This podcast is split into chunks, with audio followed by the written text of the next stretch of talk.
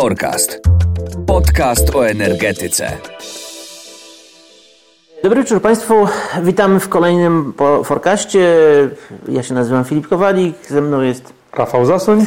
E, razem porozmawiamy dzisiaj o takim pojęciu, które może nie dla każdego jest oczywiste, nazywa się ciepło odpadowe. I bynajmniej nie jest to ciepło z odpadów, jak przed chwilą e, opowiadał Rafał, że ktoś kiedyś mu tak zasugerował. E, Rafał, powiedz tak, żeby było jasne, na czym polega ciepło odpadowe? Ciepło odpadowe to jest w skrócie to ciepło, które jest odpadem. To ciepło, którego nie wykorzystujemy, a moglibyśmy wykorzystać. Na przykład, no takim skrajnym przy, przypadkiem, ale który każdemu przemówi do wyobraźni, jest ciepło z krematoriów. To ciepło, które zużywamy spalając y, zwłoki, ono ulatuje w powietrze. Nie robimy z nim dalej nic. I oczywiście no jest, w naszej kulturze jest to raczej no nie do przyjęcia, żebyśmy to ciepło mieli w kaloryferach czy, czy, czy w, w, grze, znaczy w innych grzejnikach. Ale na przykład na Tajwanie mm, miejskie krematorium w jednym z miast jest podłączone do, mm, do sieci ciepłowniczej i może Tajwańczyk poczuć y, ciepło swoich członków rodziny w swoim domu.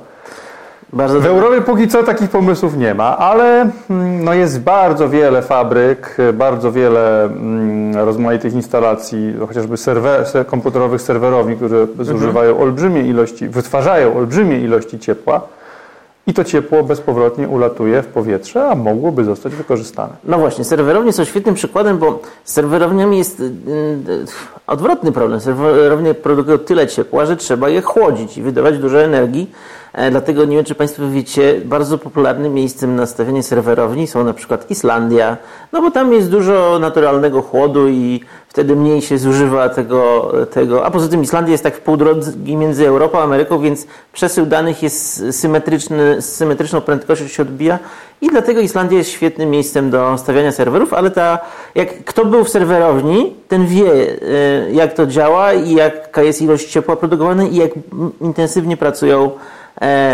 tam e, klimatyzatory. No więc właściwie mamy sytuację taką, że tam po prostu nie tylko, że nie wykorzystujemy tego ciepła, ale jeszcze musimy marnować prąd, żeby je zdławić.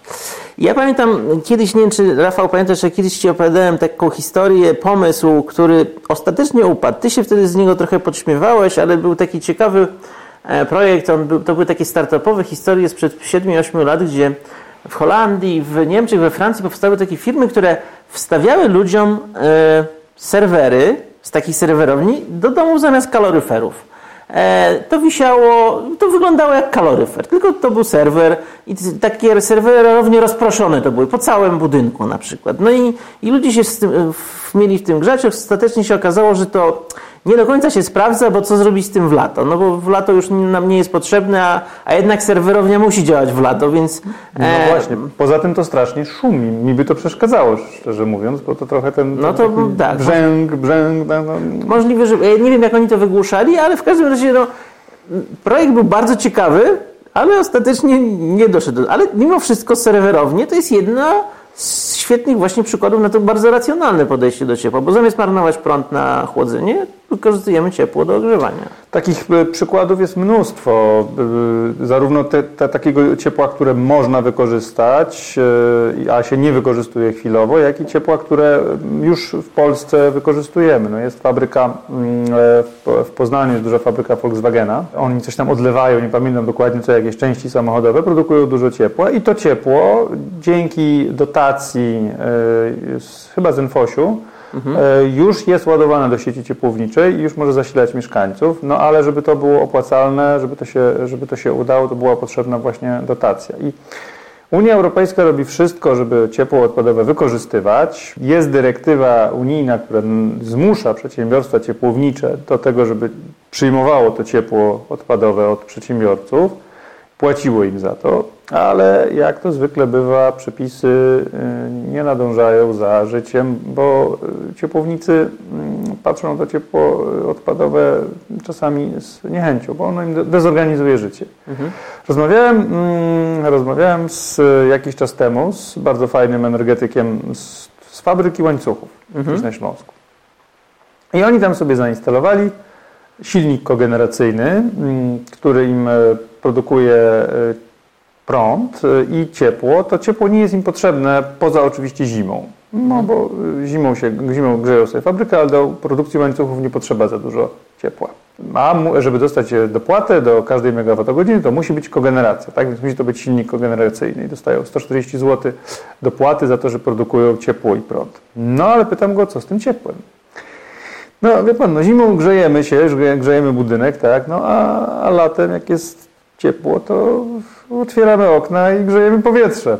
No ale dlaczego? Dlaczego marnujecie taki potencjał? Już moglibyście wysłać do sieci. No tak, ale przedsiębiorstwo ciepłownicze od nas tego nie chce. Mhm. Próbowaliśmy. No raz, że musieliby płacić, a dwa, musieliby ograniczać produkcję swojej jednostki, tak, która ma tam określone parametry, bo to jest kocioł węglowy i on musi pracować yy, określoną liczbę godzin, bo jest mało elastyczny. Jak wpuścimy ciepło odpadowe, to będą mieli problem z utrzymaniem właściwej temperatury mhm. tego kotła, więc oni no, starają się odrzucać takie oferty. Tłumaczą, że parametry nie pozwalają. No i dyrektywa unijna zmusza te przedsiębiorstwa ciepłownicze, żeby one jednak e, były bardziej przychylnie nastawione do, do mm, ciepła odpadowego, ale idzie to dość opłatnie. No właśnie, bo to rozumiem jest trochę kwestia mm, jednak i tu instrumentacja, instrumenty rządowe promujące tego typu mm, przydały się. Ja pamiętam nawet u Was czytałem e, właśnie taką, że się zastanawiali nad tym, jaka to jest perspektywa, że jednak nie ma żadnego systemu wsparcia dla tego typu wykorzystywania takiego ciepła, ale to jednak jak, no jak widać, że jeśli taka logika działania biznesowego day by day jest taka, że raczej mm, sieć ciepłownicza, która ma własne źródło, nie będzie chciała go przejmować, to jednak powinniśmy zrobić coś, co spowoduje, że jednak e, będzie miało to sens, no bo jednak to, Polska pod tym względem wykorzystania ciepła sieciowego jest trochę z tyłu, jeśli chodzi o inne kraje e, Europy. Jeśli chodzi o wykorzystywanie ciepła odpadowego w cieple sieciowym, to niewątpliwie Polska jest y, z tyłu, ale do tego przyczynia się ta mm, mała elastyczność naszych źródeł ciepła. No, i tam, gdzie jest więcej gazu w sieci ciepłowniczej, to ona jest, y, to te źródła są bardziej elastyczne, można, to elektrociepłownia gazowa działa jak zapalniczka, tak? Mhm. Jak jest więcej ciepła odpadowego, to przykręcam tą elektrociepłownię gazową, ona produkuje wtedy mniej. Mhm. Jak jest mniej ciepła odpadowego, to odkręcam elektrociepłownia węglowa czy ciepłownia węglowa tak nie działa. Ona mm, musi produkować cały czas. I, I, to jest główna przyczyna, dla której ciepłownicy mm, nie chcą tego robić. Aczkolwiek jest kilka bardzo ciekawych projektów w tej chwili w Polsce. Oprócz tego poznańskiego, bardzo ciekawy projekt jest w Chełmie lubelskim, e, gdzie mm, e, miasto, miejska ciepłownia podpisała e, list intencyjny, czy nawet już umowę chyba z, z cementownią. Tam jest duża cementownia mhm. Cemeksu. I to ciepło odpadowe z, właśnie z Cemeksu ma zasilać sieć ciepłowniczą w Chełmie. W Chełmie mhm. jest w tej chwili stara węglówka, oni starają się z tej węglówki uciec. I myślę, że takich, że właśnie takich projektów kojarzących przemysł z ciepłownictwem powinno być jak najwięcej. Tu mhm. powinna być skierowana uwaga właśnie wszystkich instytucji finansujących, mm, takich jak ENFOŚ, Narodowy Fundusz Ochrony Środowiska i Gospodarki Wodnej, który ma w tej chwili miliardy, miliardy złotych do, do, do wydania mhm. z, z, unijnych pieniędzy, po to, żeby właśnie y, ułatwiać y, wykorzystanie ciepła odpadowego z przemysłu w sieci ciepłowniczej. I jest też kolejny projekt, nie mogę sobie w tej chwili przypomnieć gdzie, ale mhm. kolejny projekt z kolei wykorzystuje ciepło odpadowe oczyszczalni ścieków. Okej, okay, to, to, o tym zaraz, bo to, to jest ciekawy mm, system, ale e, chodzi mi o coś takiego, że właściwie, bo to pokazuje, że te, taki, taka cementownia, na przykład, no, ona jest w jakiś sposób, e, bo to jest y, tro, trochę podobny model działania jak elektrociepłownia, która produkuje prąd i ciepło. Cementownia produkuje ciepło, w sensie produkuje cement, a a ten ciepło tak samo jak w elektrowni jest swojego rodzaju mm, produktem ubocznym, który można wykorzystać. I to jest po prostu, trzeba trochę zmienić sposób myślenia na ten, na ten temat, jak rozumiem. Tak jest, trzeba zmienić sposób myślenia i trzeba sprawić, żeby to się opłacało. Mhm. Czyli albo zastanowić się nad taką ceną, e, żeby to, że, którą cementownia będzie za to ciepło otrzymywała, żeby jej się opłacało to ciepło do sieci wtłaczać, albo ułatwić inwestycje, na przykład zbudować e, ciepłociąg, e, czyli rurę, która, która to ciepło pociągnie z cementowni do, do miasta, tak żeby e, no, zdjąć ten wydatek z, zarówno z, z miasta, jak i z, z firmy. Tak, żeby po prostu dofinansować inwestycje. No i trzeba się zastanowić, jak dopasować wsparcie do każdego projektu. Czy to będzie wsparcie właśnie jak to księgowi fachowo mówią, kapeksowe, czyli mhm. wsparcie do y, dofinansowania do inwestycji, czy też OPEXowe, czyli operacyjne wsparcie za mhm. każdy e, gigajoule ciepła dostarczonego z, z cementowni do, mm, do miasta.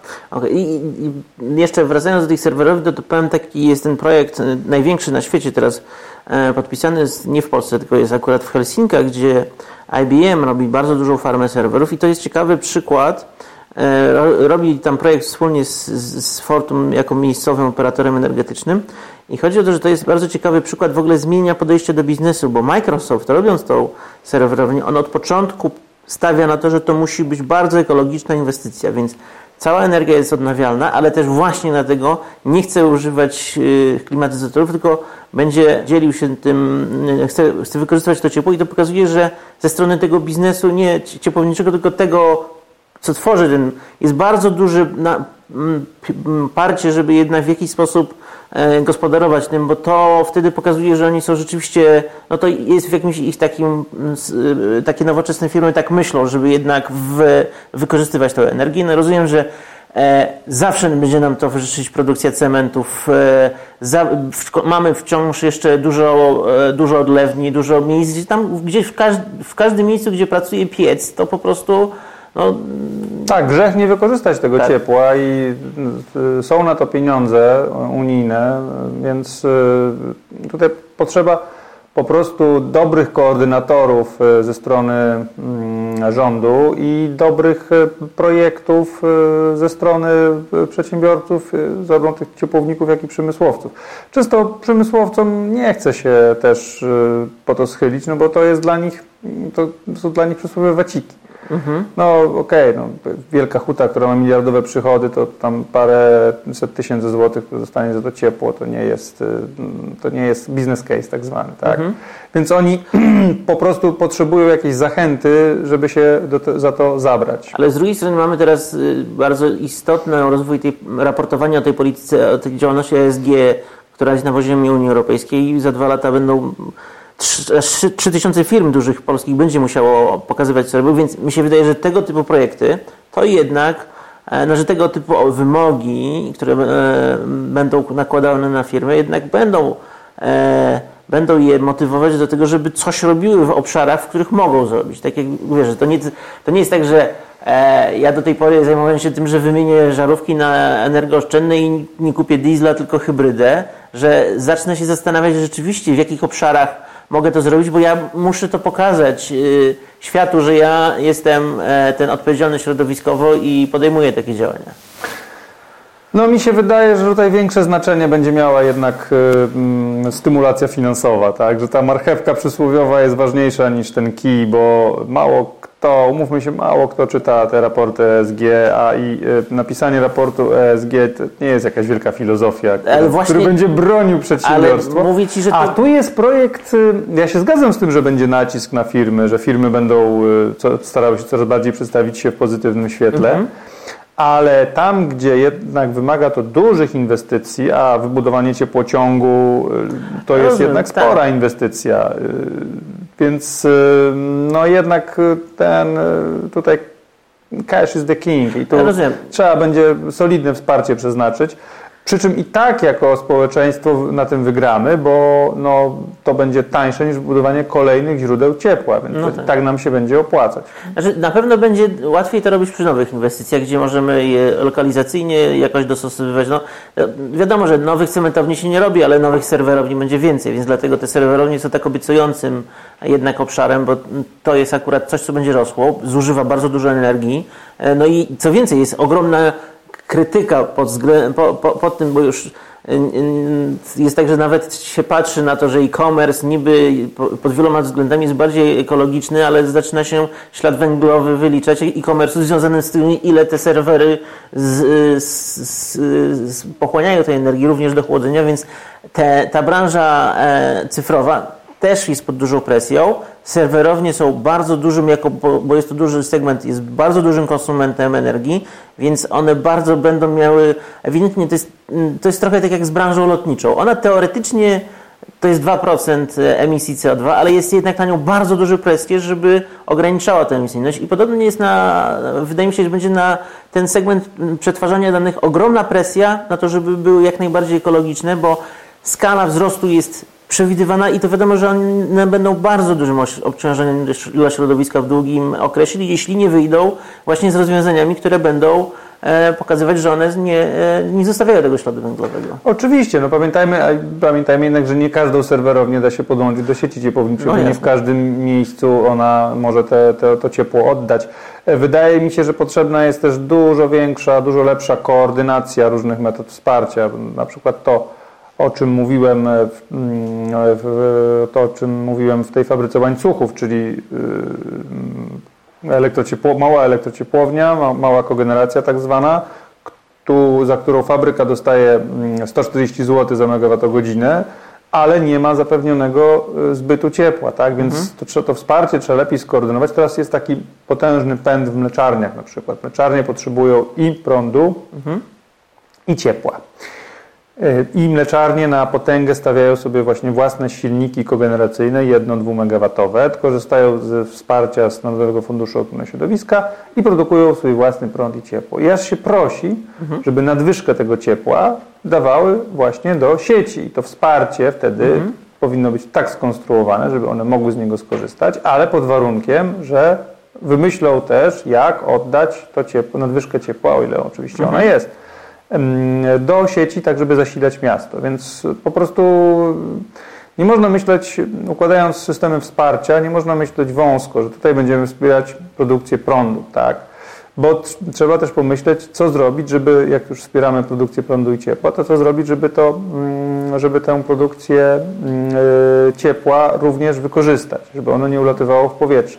Mi się wydaje w ogóle, że e, Polska ma, mm, nie tylko Polska, cała Unia Europejska ma olbrzymi potencjał e, integracji przemysłu i energetyki, bo przemysł na potęgę obrasta we własne źródła energii. Fabryki mhm. budują własne e, instalacje fotowoltaiczne, własne wiatraki, chcą mieć mhm. źródła taniej energii, pokazują, że są zielone, do tego jest dofinansowanie, a jednocześnie uniezależniają się od drożejących, mhm. drożejącej e, energii elektrycznej.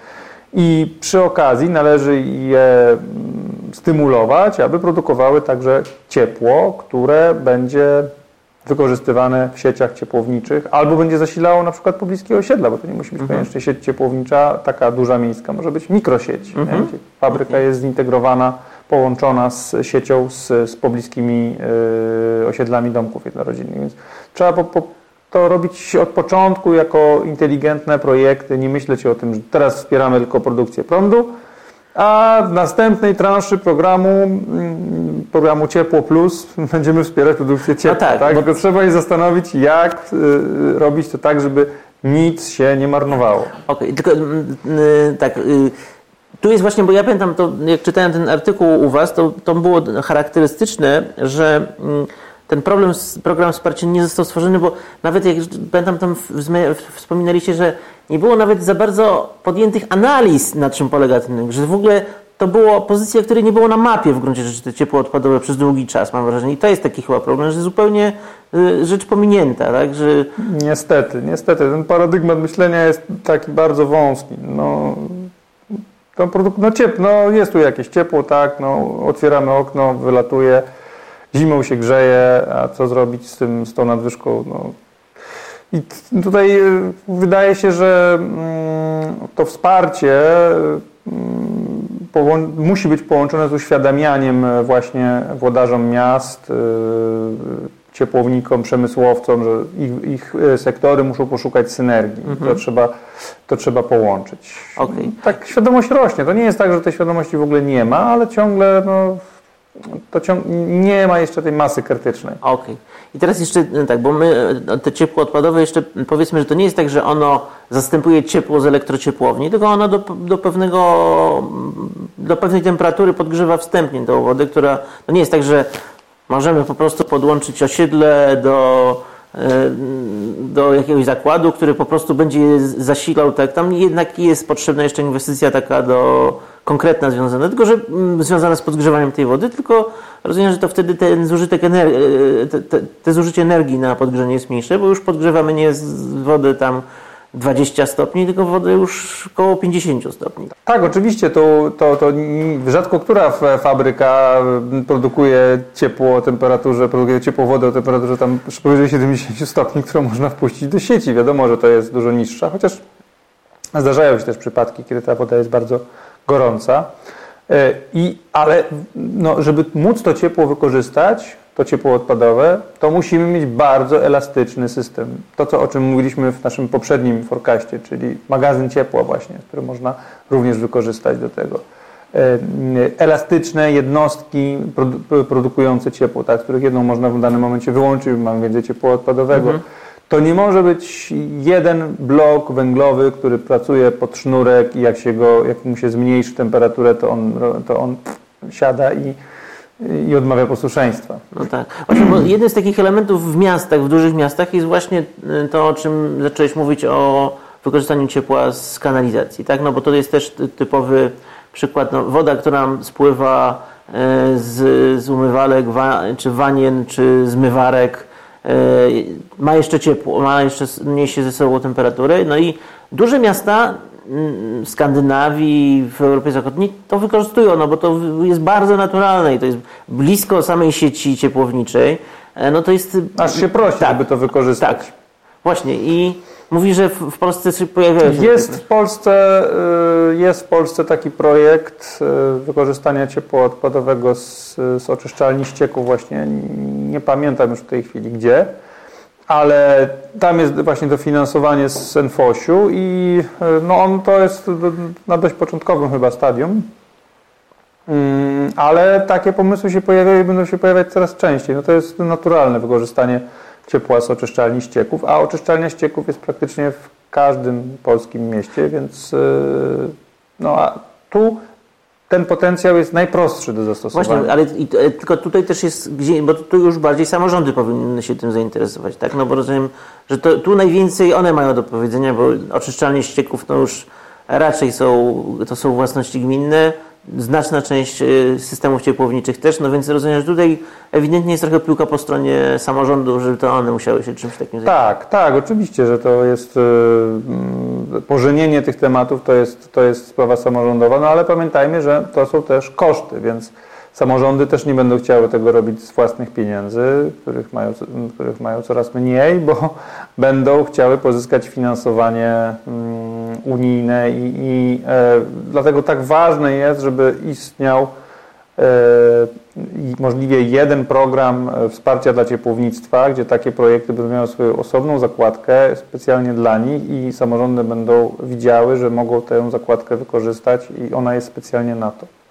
Okej, okay, ale nie jest to oczywiste dla wielu, ale ciepło ścieków jest już wykorzystywane, tylko nie na skalę ogólnomiejską, tylko w domach. Jest, są takie instalacje, które mają okropną nazwę, odzyskwy ściekowe i to jest właśnie odzyskiwanie ciepła ze ścieków. I tak się zastanawiam, na ile to jest jednak tak, że skoro e, upowszechnia się fotowoltaika, skoro upowszechnią się pewnie w przyszłości pompy ciepła, no to te ozyskwy ściekowe, jak może zmienią do tego czasu nazwę, żeby była bardziej przy, ko, ko, tak konsumencko przyciągająca, może te ozyskwy ściekowe, bo to, żeby wytłumaczyć. No chodzi o to, że to, żeby te ciepło, które schodzi dokładnie z mojej łazienki w moim domku, zasilało tą wodę e, w moim własnym obiegu, czyli tam, gdzie mam indywidualne grzenie. Nie jestem w sieci, tylko w moim własnej sieci. I coś takiego to jest idealny moment na rozpro rozpropagowanie, zwłaszcza, że my mamy, jak żeśmy mówili w poprzednim odcinku, połowa ludzi jednak się grzeje indywidualnie w, w tych domach. No tak, i to jest y, ideał gospodarki obiegu zamkniętego. Pamiętajmy jednak, że za, za wiele tego ciepła stamtąd nie będzie. To jest jednak tylko margines tym, czy musimy się ogrzeć. Mi to przypomina taką anegdotę, którą jeden z polskich dziennikarzy opisywał, jak to w czasie okupacji Japonii w latach 40. amerykański e, oficer z rodziną mieszkał e, w, w domu i miał japońskiego ogrodnika. I ten pułkownik zauważył, że japoński ogrodnik wykorzystuje, wykorzystuje mm, no, powiedzmy produkty pozostałe po trawieniu, mhm. żeby tak elegancko wyrazić, do nawożenia ogrodu. I pułkownik poszedł do tego ogrodnika i powiedział mu, mm, mm, ponieważ to brzydkie słowo na G ani na K nie chciało mu przejść przez gardło, powiedział mu, żeby nigdy nie wykorzystywał japońskiego nawozu do, do nawożenia ogródka e, i posłuszny ogrodnik oczywiście dostosował się do tego i opracował bardzo zmyślną instalację, która całą produkcję pułkownika i jego rodziny mhm. odprowadzała do ogrodu. z, z toalety mhm. szły rury, które wszystko to, co mm, mm, oddał pan pułkownik i jego rodzina, doprowadzało do ogrodu. I kiedy pułkownik odkrył tę instalację i dowiedział się, że ta te pyszne warzywa, które jadł, były nawożone właśnie tym.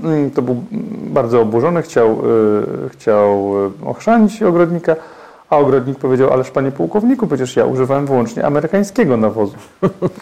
No, Więc powinniśmy również myśleć o wykorzystaniu no, no właśnie, tego. Bo, bo mi się wydaje, że to jest tak, cały czas jest, wraca to, że to są kwestia E, szukania rozproszonych różnych de, takich drobnych elementów i na poziomie domu, no to mamy tak, no przecież jak wprowadzono systemy wentylacyjne, które zachowują jak najwięcej ciepła z domu, tak, bo normalnie można mieć taki zwykły system wentylacji, gdzie ciepło wychodzi razem z powietrzem i, w, i wprowadzane w zimę jest zimne powietrze, no ale można mieć bardziej zaawansowany ten rekuperacyjny system tak zwany, gdzie to ciepło, które wychodzi z tym powietrzem z domu jest oddawane do powietrza, które wpada, no i, i to, jest ma, to jest detal, ale takich detali można zrobić kilka. No to przecież tak samo robimy z wodą. Coraz częściej są systemy, gdzie tą szarą wodę, czyli tą, która spływa z, z, z, z, z umywalki, można wykorzystać w toalecie. Tak więc to chodzi o to takie takie rozwiązania w gruncie jest bardzo smart, że w, to, nie, to nie jest żadna wielka rewolucja. To jest po prostu robienie drobnych rzeczy.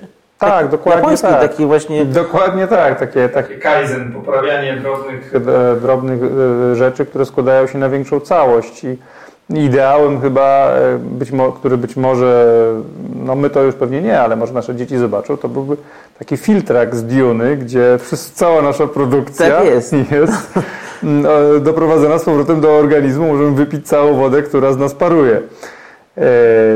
Kto wie, może w przyszłości czegoś takiego dożyjemy. Pamiętajmy, że drogie surowce, drogi gaz zwłaszcza, będzie nas stymulował do takich rozwiązań. Przecież jedną z propozycji, mm, o której wprost mówił e, komisarz e, do spraw klimatu Franz Timmermans, to jest e, apel o obniżenie temperatury w naszych domach. Obniżcie temperaturę z 22 do 21 stopni, zaoszczędzimy miliardy metrów sześciennych gazu dzięki temu. E, a żeby obniżyć, a, a, a, żeby mieć ten komfort, to właśnie zamiast obniżać temperaturę, to możemy mm, docieplać nasze domy, stosować rekuperację, stosować, e, używać ciepła odpadowego, więc to wszystko Nosić będzie się swetry. działo. Nosić swetry, tak. Jedna, notabene mm, w Wielkiej Brytanii był duży skandal, bo jedna z firm ciepłowniczych, która Mm, e, drastycznie podniosła ceny, jedna z firm, okay. dostawców gazu, mhm. firma, która drastycznie podniosła klientom ceny gazu w trakcie kryzysu, wystosowała apel, e, taką reklamę e, w internecie. Kochani, jeśli wasze rachunki za gaz są za wysokie, możecie się po prostu przytulać. Rozumiem, tak chcieli. No, ale niestety poczucie humoru tej tak. firmy nie zostało docenione.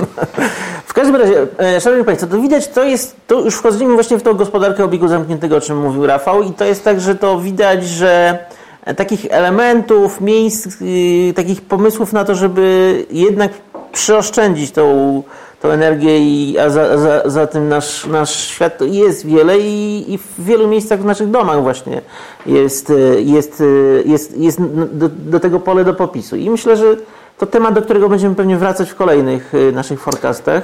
Ale ja tutaj jednak dodałbym szczyptę, mm, szczyptę dziegciu do tej beczki miodu, bo z jednej strony tak, chcemy być ekologiczni, chcemy być, chcemy stosować te nowe technologie, ale z drugiej strony, kiedy te ceny gazu są tak wysokie, kiedy widzimy te drożejące rachunki, to natychmiast idziemy do rządu i prosimy o, mm, o to, żeby dołożył nam do tego gazu, żeby te rachunki były mniejsze. Rządzie zrób coś tak, bo ja nie będę tyle płacił. A wiadomo, że rząd w ciągu miesiąca nie wyremontuje nam mieszkania, nie wyremontuje nam domu, nie dociepli nam go, bo to się tak szybko nie da. W związku z tym mm, rządy rozsypują pieniądze jak ten Ben Bernanke, szef Fedu y, z helikoptera i mm, dzięki temu gaszą społeczne pożary. A pamiętajmy o jednym, żeby ta technologia, y, ta rewolucja technologiczna się wydarzyła, to paliwa kopalne muszą być drogie, bo to jest stymulant y, transformacji.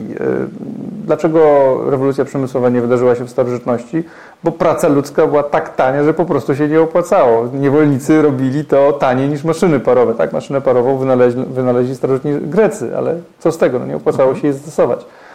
I tak samo jest teraz. Y, dzięki temu, że paliwa kopalne są drogie, y, dzięki temu, że mm, są opodatkowane tak, żeby pokryć te koszty zewnętrzne, które powodują, które ich wydobycie i eksploatacja powoduje, to rozwijają się nowe technologie, które mm, mogą je zastąpić. Jeśli teraz będziemy mm, znowu y, wykorzystywać pieniądze podatników po to, żeby dopłacać do paliw kopalnych, to ta transformacja będzie dreptać w miejscu i, i rządy są rozdarte pomiędzy mm, zrozumieniem tego dylematu, zrozumieniem tego, że nie powinno się dotować paliw kopalnych, a jednocześnie bieżące potrzeby polityczne są takie, że trzeba coś ludziom dać.